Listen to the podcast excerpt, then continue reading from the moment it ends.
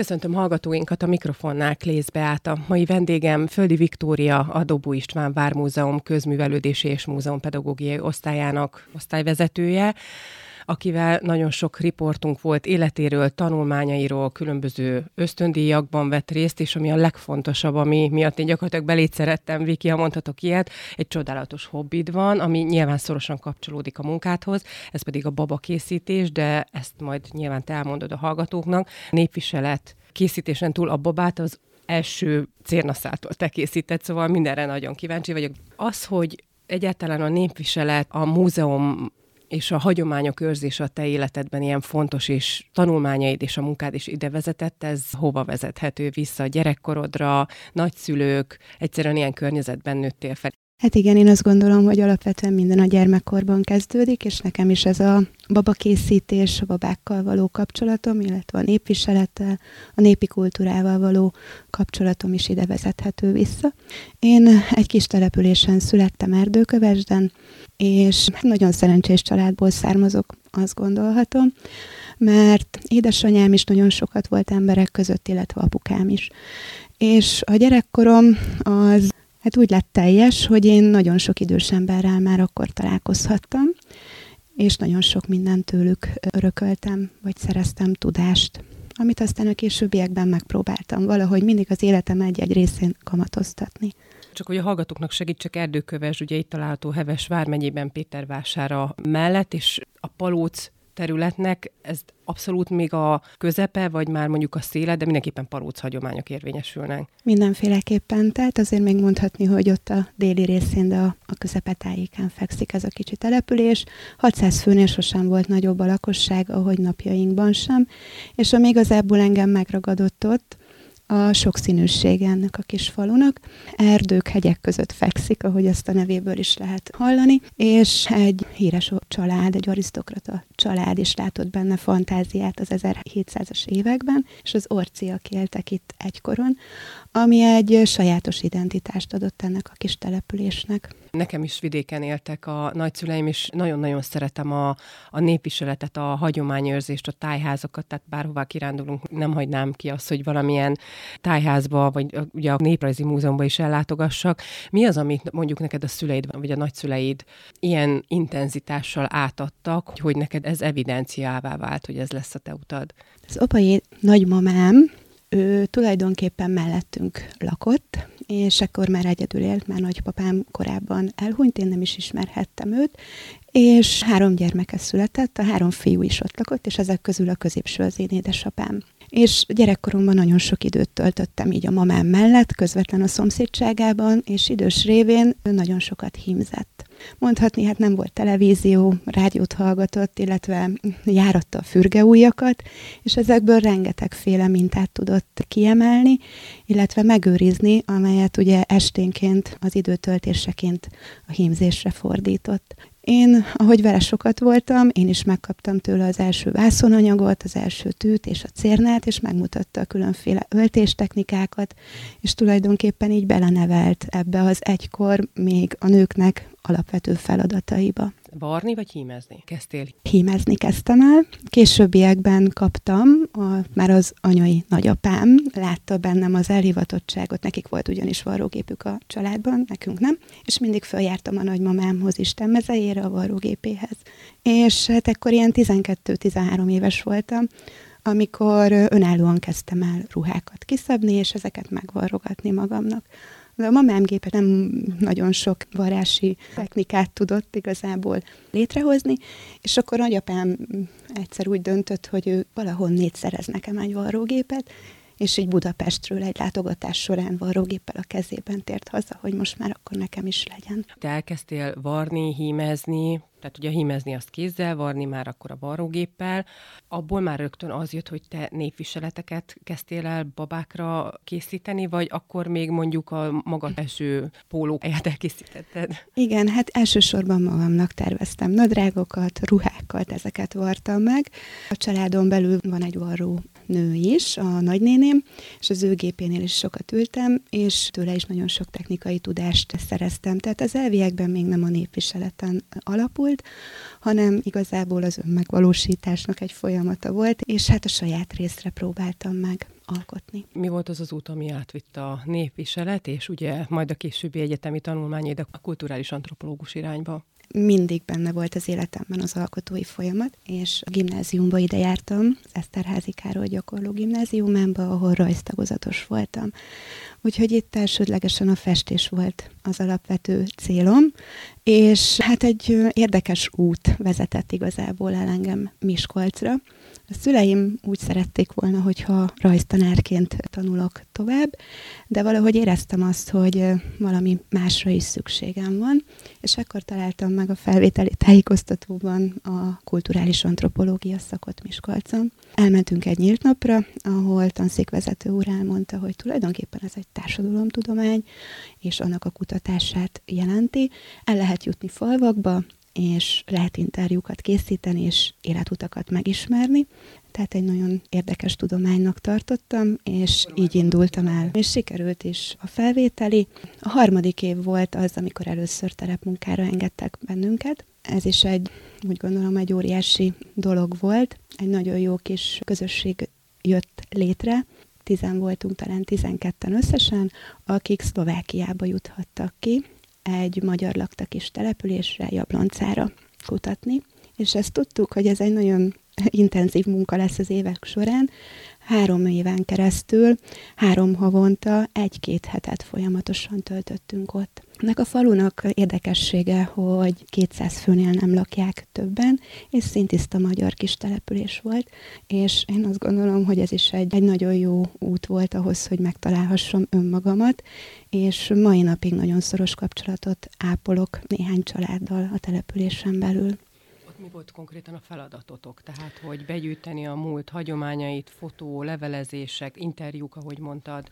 Mindenkinek más-más kutatási területe volt, ami alapján elindultunk, én igazából a rítusokat választottam magamnak. Születés, házasságkötés és halál. Hát elsődlegesen a halál volt az a témakör, ami engem leginkább megérintett. Ez egy nagyon arhaikus település volt, és a temetkezési szokások is nagyon régi időszakra nyúlnak vissza. Folyamatosan részt vettem temetéseken, ezeket dokumentáltuk, fotóztuk folyamatában, illetve az elkészült fotókat visszavittük a család részére, és életinterjú interjúkat készítettünk velük. A három év végeztével erről megjelent akkor egy közös tanulmány kötet. A kutatás tulajdonképpen a Rozsnyói Múzeum igazgatója, akkor igazgatója Csobádi József volt, aki támogatta, hisz az ő szülei is ezen településnek a lakosai voltak egykoron. És mi az, ami téged még akkor ifjú egyetemistaként, tényleg ilyen első terepi munkádban megfogott? Nyilván te ugye ismerted a erdőköves történetét, nagymamád vonattal mentél ide-oda templomba, de ugye erdőkövesd az egy teljesen más terület, de mi az, ami mondjuk Jabloncán olyan különleges lehetett neked. Most említetted ezt a temetés, illetve a halállal kapcsolatos szokásokat, ami most nyilván mondhat, gondolhatná az ember, hogy milyen érdekes, vagy esetleg milyen szomorú, de én azt gondolom, hogy régen teljesen természetesen az élet vele járója volt. Tehát nyilván szomorúságot jelent, de ugyanakkor az elengedésnek, a gyásznak is meg a maga misztériuma. Most ezt én így gondolom, de valamiért téged is megfogod ez a téma. Igen, tehát alapvetően egy zárt közösségről volt szó, és ez a téma egy, azt gondolom, hogy alapvetően egy olyan, amiről nem mindenkinek beszél az ember. És nagyon nehéz volt megnyitni a kapukat hogy valaki őszintén tudja elmondani, és az életére tudjon reflektálni ezekben az eseményekben, vagy élethelyzetekben. A temetési szokás. Itt nem volt még halottas ház, mai napig nincsen, tehát továbbra is az elhunynak az udvarán történik a ravatalozás, és egy közösségi esemény a falun belül. Ezt követően ugye kikísérik a koporsót a temetőben, majd amely egy magas domnak a tetején helyezkedik el, és itt a kőzetek, amik meghatározók még, tehát nem lehet nagyon mélyre például ásni. Ezért a sírhelyet kibetonozzák, illetve a koporsót is teljes egészében bebetonozzák, ami egy nagyon érdekes dolog, hisz teljes egészében elzárják az elhunytakat az élők körétől. Elvégezted az egyetemet, és gyakorlatilag azonnal ide kerültél a Dobó István Vármúzeumba? Nem, igazából hát az egyetemen többféle szakirány volt. Én ezek közül a múzeológiát végeztem el, a Herman Otto Múzeum segítségével jó voltából, ugye ott nagyon sok múzeológus kolléga az egyetemen akkor bennünket tanított, illetve a vizuális kultúra tanárit. Én úgy éreztem, hogy a szívem ide visszavágyik Egerbe, Miskolc után, és kerestem a lehetőségeket, hogy esetleg a Dobó István Vár Múzeumba a kutatási területemmel is, és motiváltságommal be lehet-e kerülni. Ez nem ment rögtön, és így a Herman Otto Múzeum egy munkát ajánlott föl, akkor többünk számára, és régészeti ásatásra jártam először, tehát először a Herman Otto Múzeum volt, akinél dolgoztam. A régészet területe ugye nem szorosan kapcsolódott a tanulmányaidhoz, de mégis múlt kutatás. Tehát jó volt belekóstolni? Őstörténet szakirányos is voltam az egyetemen, és így kapcsolódik tulajdonképpen ez a régészetnek egy bizonyos szegmense. Hát többféle ásatáson jártunk az évek során, és hát a helyőkürt lidülásatás volt egy három hónapos periódus, amelyet a Herman Otto Múzeum kötelékében tölthettem el. Ezt követően pedig megnyíltak a kapuk itt a, a Dobó István Vár Múzeumban, és hát most már 19 éve hogy itt dolgozom. Először itt is a régészeti osztályon kaptam lehetőséget ásatásokon, majd pedig úgy a néprajzi osztályra kerültem, és akkor igazgató helyettesünk látta meg a lehetőséget az akkor kialakuló múzeumpedagógiai új tudományterületben, és elküldött egy képzésre. Tehát először olyan néprajzosztályra kerültél, majd a múzeumpedagógiára, ugye most ennek a vezetője vagy, de ehhez még akkor szükségeltetett egy továbbképzés, de bárki bármilyen szakot végez, mert ugye ilyen szak nincsen egyetemeken, ugye, hogy múzeumpedagógia. Igen, most már van az eltén, egy két éves esti képzés keretén belül. A Szent András Kanzen volt, aki indított egy ilyen jellegű képzést, és az elsőt, amelyen részt vehettem akkor, hát ez egy óriási élmény volt, hogy hogyan lehet gyermekek szempontjából hasznos tudást átadni. Itt ugye múzeumpedagógiával foglalkoztál, de tulajdonképpen ez a varrás, ez, ez mindig ott volt a háttérben. Tehát amikor hazamentél, akkor a, a tűcérna és az anyagok vártak téged otthon. Ez mindig, igen. A horgolástól elkezdve a makraméig, ez mindig az életem részét képezte. Ez számomra egy kikapcsolódás, egy, egy feltöltődés, ami alkotói folyamat is, és ami úgy gondolom, hogy egészé tud tenni. Sokszor van az, hogy olyan jó lenne, hogyha ezt képi világgal is tudnánk a hallgatóknak megmutatni, amit én most itt látok. Ez pedig nem más, mint egy népviseletes baba, amit nekem behoztál, engem is inspirálni, és hogy tényleg jobban lássam a te munkádat, és ugye én rögtön a felkonfban elmondtam, hogy gyakorlatilag tényleg az első cérnaszál, azt mondjuk valószínűleg boltba veszett, tehát nem te készíted a cérnát, de tényleg az, az anyagokat megvéved, de a baba testét is te készíted el, ez egy 30, 30 centis, 30 centis baba, amin egy fehér gyásznépviseletbe öltöztetett asszony van, fehér, illetve bészszínű a ruhája, egy nagy fehér kötény van rajta, fehér kendővel, és egy gyertyatartót fog a kezében. Most ezt én így próbáltam elmondani. Ez a baba, ennek az eredetie. Mikor élt, és honnan kaptad te az ihletet az elkészítéshez?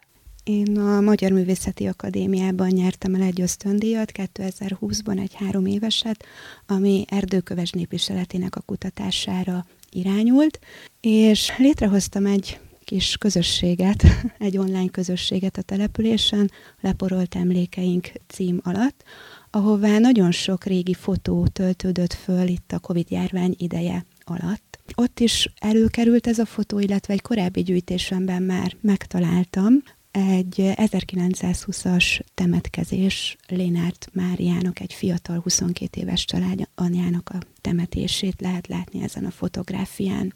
Itt még az udvaron temették el a fiatal anyukát, fehér koporsó van, nyitott koporsó is, mögöttesen ott áll a család, a férje és a kisgyermeke, az akkor két éves kislánya, egy fekete-fehér pöttyös kis ruhácskában. És a tömegben kirajzolódnak fehér viseletű hölgyek, amely egy nagyon régi szokás a Palóc területen. István Figyula 1894-ben írta le ezt a régi szokást ezen a vidéken, mely szerint a fehér asszonyok elkísérik az utolsó útján a fiatal elhunytakat, elsődlegesen a hölgyeket. Súlyoztad itt, hogy fiatal, tehát hogyha idős elhunyt volt, náluk nem... Nem feltétlenül. Igen, a fiatalokra volt ez elsődlegesen jellemző a leírás alapján. És hát ugye Európában a középkorban a fehér volt a gyász színe, és nyugati hatásra terjed el a fekete szín, és ugye a felsőbb osztály részéről jön, de viszont a nagyon arhaikus társadalmakban ennek még itt az 1900-es évek fordulóján mindig megvan a lenyomata.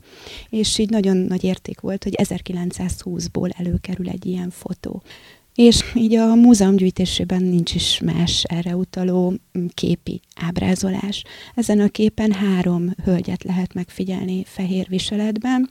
Ennek is változik a szokása, de tulajdonképpen ők voltak azok, akik elsődlegesen a koporsót vitték ki a temetőbe, és a koporsó előtt mindig ment a zászlóvivő, illetve a templomi gyertyát vivő hölgy is, tehát akár 12 főből is állhattak ezek a fehér ruhás hölgyek, lányok vagy asszonyok, tehát itt nem volt az sem probléma, ha esetleg már valaki házas volt, vagy még nem volt házas, és ezek közül én a templomi gyertya vivő hölgyet emeltem ki. Ez a fehér viselet ez, hogyha a település népviseletét tekintjük, ez egy nagyon általános volt a fiatal lányok körében, illetve mondhatni azt is, hogy nem volt ugye külön esküvői ruha még ebben az időszakban, tehát ez az egyben az esküvői ruhájuk is volt.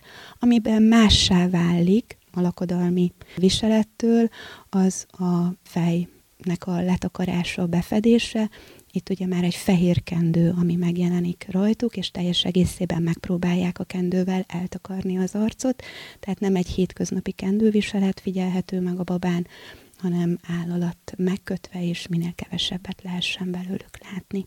Neked nem régiben volt egy kiállításod, ott a szülőtelepüléseden, Erdőkövesden, ott 11 baba 11 került. babát mutattál be, különböző népviseletben, de mind erdőkövesdi. Csak erdőkövesdi viselet volt. Ehhez szintén interjúztál, mondjuk lehet, hogy talán a saját településeden esetleg könnyebb volt, vagy nehogy azt gondoljam? Hát ez egy nagyon érdekes kérdés. Én azt gondolom, hogy lehet, hogy egy idegen településen könnyebb bekerülni kutatóként egy társadalomba, mint egy olyanon, ami a, mondhatni a saját közössége az embernek. Mindig vannak fenntartások, korábbi élet élmények, amelyek esetleg vagy segítik, vagy pedig gátolják, hogy az ember meg tudjon nyílni. Én a babákra elég komplex módon próbálok meg tekinteni. Egyrészt lenyomata a múltnak, magának a viseletnek, de úgy gondolom, hogy akkor tud igazából életre kelni, ha ismerjük azt a közösséget, azt a társadalmat, amiben az a személy hajdanán, akár 100-150 ezer évvel ezelőtt, de élhetett.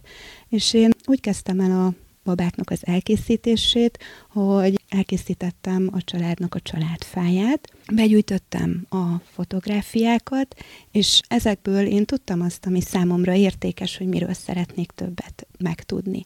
Tulajdonképpen a paraszti világban előkerülő fotók, azok mind mondhatni műtermi fotográfiák, beállított képek, tehát nem feltétlenül a mindennapi életet tudják bemutatni, és azt gondolom, hogy ilyen esetekben az ember máshogy is áll oda a fényképező gép elé, és nagyon-nagyon fontos épp ezért, hogy látván ott az arcot, de mégis mi az, ami éppen abban az időszakban annak az embernek az életében történhetett, amit el tud nekünk még mesélni ez a képi ábrázolás. És én ezek alapján indultam el a babák világába, és olyan különböző társadalmi rangú életkorban különböző babákat készítettem el, amik megpróbálnak egy bizonyos időintervallumot, itt az 1900-as évektől 1970-ig mondhatni bezárólag, bemutatni, hogy kik is éltek itt, és milyen viseletük volt. Most ugye egy gyászviseletes babát megpróbáltuk illusztrálni a hallgatóknak. Engem nagyon érdekel a kulisszatitkod miből készül a babának a teste? Mert azt én értem, hogy fotó alapján, anyagokból meg lehet vanni, de elképesztően élethűen. Tehát tényleg a, az utolsó kis gombocskák és a csipke minden megvan, de a teste, az arca, a haja, a keze miből készül? A babakészítésnek van egy sajátos műfaja ami nagyon régi időkre vezethető szintén vissza, és több típusú népviseletes babával lehet találkozni napjainkban is. Ez tulajdonképpen szintén egy ilyen házipari szövetkezet révén jött létre, amikor ugye az asszonyoknak munkát kellett adni társadalmon belül, helyi közösségeken belül, és akár Budapesten is voltak, akik készítették, vagy például mezőkövesden ezeket a típusú babákat, amelyeknek a teste textil volt, és hát az arc kivitelezésnek többféle technikája is lehet. Én ezt önmagam kísérleteztem ki, hogy létre tudjon jönni. Itt nagyon fontos az, hogy bár azt mondjuk, hogy baba, de tulajdonképpen egy felnőtt embert próbál meg szimbolizálni, és itt a testnek az arányainak is annak kell megfelelnie.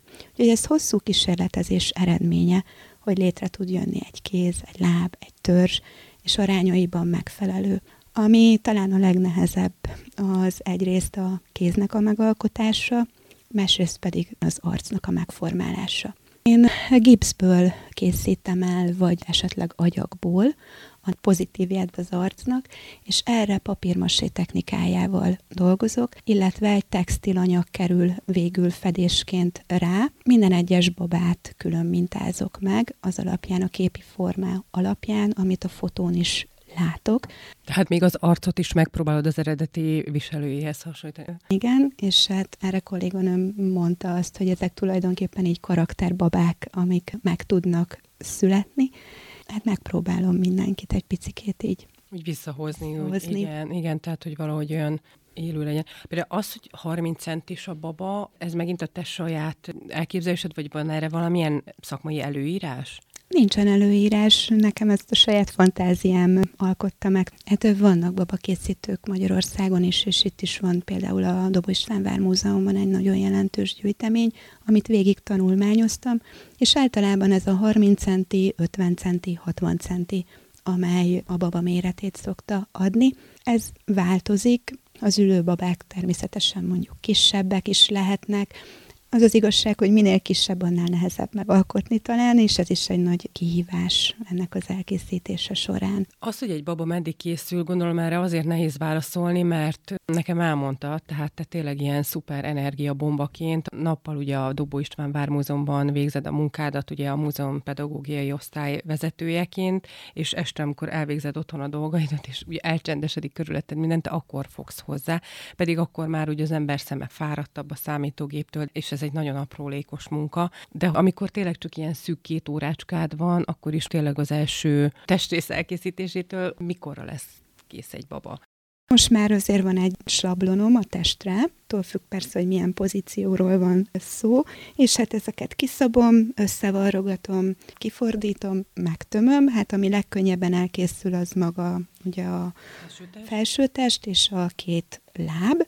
A kéz az amikor kifordítgatom ezeket a vékony kis ujjacskákat, az akár lehet négy-öt óra is, amikor az úgy sikerül, ahogy annak sikerülnie kell. A fej elkészítése az is egy nagyon hosszú folyamat, általában többet szoktam egyszerre készíteni, és amikor össze tud teljes egészében állni, és mondjuk ki is van festve, meg még rá is került a haj, az egy fejnél akár 10-12 órás munkafázis is lehet. A kiállításod után most mi a következő ilyen, ahol nagy közönség is majd láthatja a babáidat? A Magyar Művészeti Akadémiánál lezáródott ez az ösztöndíj, és ennek keretén belül a végzett ösztöndíjasokkal közösen, ez évente egy száz főt jelent országos szinten, egy nagy kiállítást szerveznek a Pesti Vigadóban. Ez akkor a tavasszal fog megvalósulni, és négy babám lesz kiállítva ebből az alkalomból, a többit pedig fotográfiákon lehet majd megtekinteni. Nagy öröm számomra, hogy a Kisárom Magyar Játéktársaság is megkeresett, és ők is lehetőséget biztosítottak arra, hogy a babák Budapesten az Orlai utcai kiállító termükben szintén bemutatkozhassanak. Ezt a munkát, a babakészítést, illetve a hagyomány ápolással, népviseletekkel együtt, ugye ezen belül a babakészítést, ezt a munkádba be tudod, vagy be kell vinne? Tehát például, hogyha érkezik egy csoport, akiknek múzeumpedagógiai foglalkozást tartotok. Így konkrétan a babákat nem tudom, tehát ez egy nagyon hosszú munkafolyamat. Táborokban esetleg egy olyan csoporttal, aki erre motivál, tehát már van, befűzzük a cérnát, és tudunk esetleg hímezni, ilyen jellegű motiváltságuk olyanokkal lehetne. Elemeire bontva lehet tulajdonképpen. Van olyan jellegű foglalkozás, amikor a gyerekek a palóc népviseletet ismer ismerhetik meg, és ölthetnek magukra ilyen ruha rekonstrukciókat. Ezeket megvartam, és ebből a formából tudok mesélni nekik róla, vagy esetleg el lehet jönni egy kékfestősre, ami szintén a viselethez kapcsolódik, vagy a kötélverésre, hogyan használták, mire használták. Tehát részeiben jelenik meg jelen pillanatban. Itt a régióban a kékfestő ruhák, azok mennyire voltak jellemzőek a népviseletben? Hát ezek általánosságban jelen voltak mindig. Jelenleg... Milyen alkalomra viseltek kékfestős ruhát? A hétköznapokban viselték a, az asszonyok. Elsődlegesen ugye ez egy sötétkék, szinte fekete árnyalatú ruházat volt, amit felső szoknyaként hordtak. És ha nem is volt helyben, de Egerben is volt például kékfestős műhely, akkor az ország számos pontjáról a mesterek a vásárok során hozták a, az alapanyagokat, és meg tudták vásárolni ezeket a textiliákat, amelyeket ugye otthon ruhává tudtak formálni, de nem csak a női viseletben, hanem a férfiban is megjelenhetett a kékfestős anyag. Én tudom, hogy neked egy fiad van. Mennyire vevő egy fiú gyermek a népviseletre, a hagyományápolásra. A hagyományápolásra szerintem mindenképpen, tehát ő mennyire mondja, hogy anya, nagyon érdekesek ezek a babák, segíthetek, vagy na jó van, anya, hagyjál már békén velük. Az az igazság, hogy megfertőztem egy picikét. Kiskorától igazából néptáncolt, ami szerintem egy nagyon fontos dolog ahhoz, hogy ehhez a kultúrához a mai világban egy városban tudjon közelíteni egy gyermek. Nagyon szereti a népmeséket, kiskorától folyamatosan mondja ezeket, illetve mindig ott van velem, tehát sokszor eljön velem, ha interjút készítünk is, és hallgatja a történéseket. Én azt gondolom, hogy belenevelkedett. Balkezes, de megtanult önállóan horgolni, nem tudtam neki benne segíteni. Gobleneket is készített már, tehát ez a minta után tanul a gyermek, tehát ő is ezt látja tőlem. Volt már olyan is, hogy arcot formázott meg, itt munkácsinak az ásítóinas volt neki a példája ez a, ez a pici fiú, és ebből kell majd egyszer babát is készíteni a számára. Hány éves ő? 12. 12, tehát akkor a kreativitáshoz, vagy netán mondjuk a képzőművészet felé, tehát akár bármilyen irányba elindulhat. Igen, bár őt az irodalom, ami elsődlegesen vonza, folyamatos színpadi lét, szereplés, tehát ő egy kicsikét máshogy próbálja nem tárgyi világgal megmutatni önmagát, hanem inkább a a színpadi munka. Kifejezése. Mindig nagyon jó megismerni a múlt történetét, mert hogy ők máshogy éltek, sokáig éltek, egészségesebben étkeztek, és nagyon ragaszkodtak a hagyományaikhoz, és ez jó, hogyha megismertetjük a az eljövendő nemzedékkel, mert hogy szerintem nagyon szép magyar népnek a hagyományőrzése. Úgyhogy nagyon örülök, hogy ezt az utat te viszed tovább. Sok szeretettel gratulálok a munkáithoz, Földi Viktória. Köszönöm szépen. Köszönöm szépen. Kedves hallgatóink, Lész hallották.